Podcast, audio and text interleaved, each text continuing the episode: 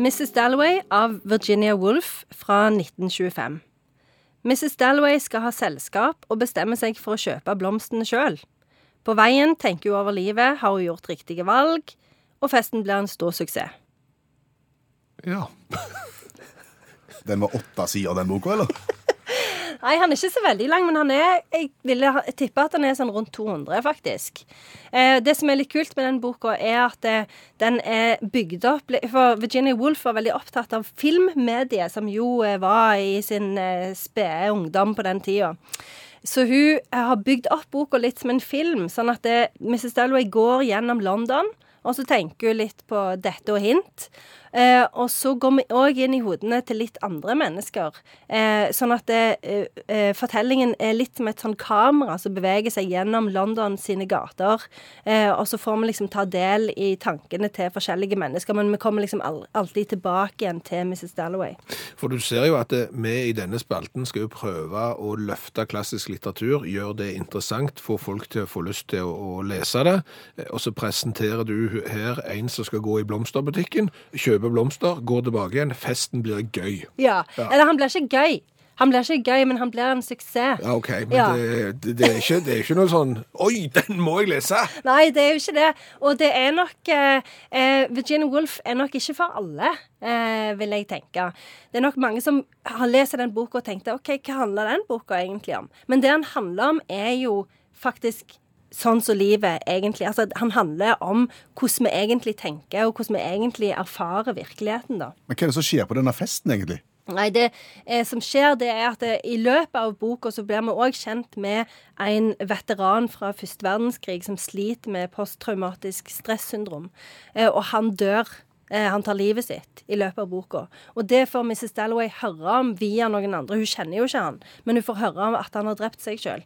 Eh, og det som skjer på slutten, det er at hun på en måte, ved hjelp av hans død, så klarer hun å omfavne sitt eget liv. Så det er en slags sånn, for Egentlig så hadde Virginia Woolf tenkt å ta livet av Mrs. Dalloway i løpet av boka, men så tok hun livet av han Septimus Smith, som han heter, istedenfor. Men fikk vi svar på hva som skjedde på festen? Nei, vi, vi Ja, gjør fest, ikke det. ja. Nei, det skjer ikke så mye. Vi prater litt om løst og fast. Og hvordan går det med kolonien i India? Det går fint. Og fine kjoler. Og så fine blomster. Ja, jeg kjøpte de sjøl. Altså, det er litt sånn. Det skjer ikke så veldig mye. Hvor imponerer vi hvis vi forteller at vi har lest Jeg tenker at eh, du imponerer med Virginia Woolf hvis du snakker med eh, folk som jobber på Engelsk institutt på et gitt universitet i, i land og utland. Jaha. Ja. OK, akademia. ja, akademia.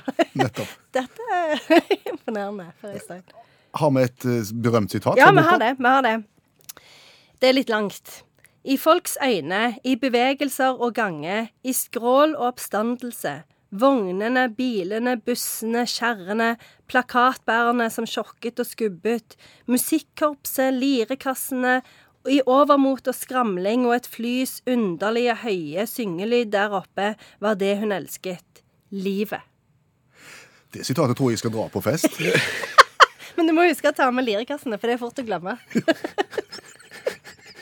Det, det jeg kjente på nå, eh, det er ofte sånn når jeg leser en bok, eh, så leser jeg ei side, og når jeg kommer til enden av den sida, så har jeg glemt ut hva jeg leste, og så må jeg lese den en gang til. Ja, det er litt stress. Det er litt stress når du skal lese sånne modernistiske bøker fra 20-tallet, for de har ofte ikke punktum. Sånn at det der må du ofte eh, liksom, altså det, det krever ganske mye konsentrasjon å, å lese de, og så kommer det mye sånn innskutte setninger for å se ting som distraherer og sånn. Så det er ikke det beste utgangspunktet for å kunne lese denne boka. Nei, for jeg- her ville jo jeg datt av lenge før lirekassen, sant? og så måtte jeg jo lese det om og om igjen, og så hadde jeg jo fremdeles ikke fått det med meg. Pluss at du hadde blitt distrahert av lirekassen òg, for da hadde du begynt å tenke på sirkus og alt slags Ja, ja. andre ting. Så det du egentlig sier, at denne er litt for viderekommende? Vi Den skal- er vi litt for skal- Vi skal ikke begynne her. Nei, vi skal ikke begynne her. Nei, Klarer du å oppsummere? Ikke sikker, men for meg blir dette som en historie fortalt av godt voksne mennesker. For egentlig så handler det bare om en som skal gå i blomsterbutikken, kjøpe blomster og arrangere fest. Men når noen skal fortelle det, så blir det sånn Ja, jeg gikk skulle der og kjøpe blomster. Å ja, hvor gikk du hen da? Nei, jeg gikk nedover den gata der. Ja, hva traff du da? Nei, da traff jeg jo han der med lirekassen, og han var jo Nei, vet Og han yngste til Svendsen sine, han er fin med lirekassen. Og så baller det bare på seg, og til slutt så er det fest, og det var jo kjekt. Ja, det er helt riktig, for det er jo det som er livet. Da sier vi det sånn. Tusen takk, Janne Stigen Drangsholt, forfatter og litteraturviter.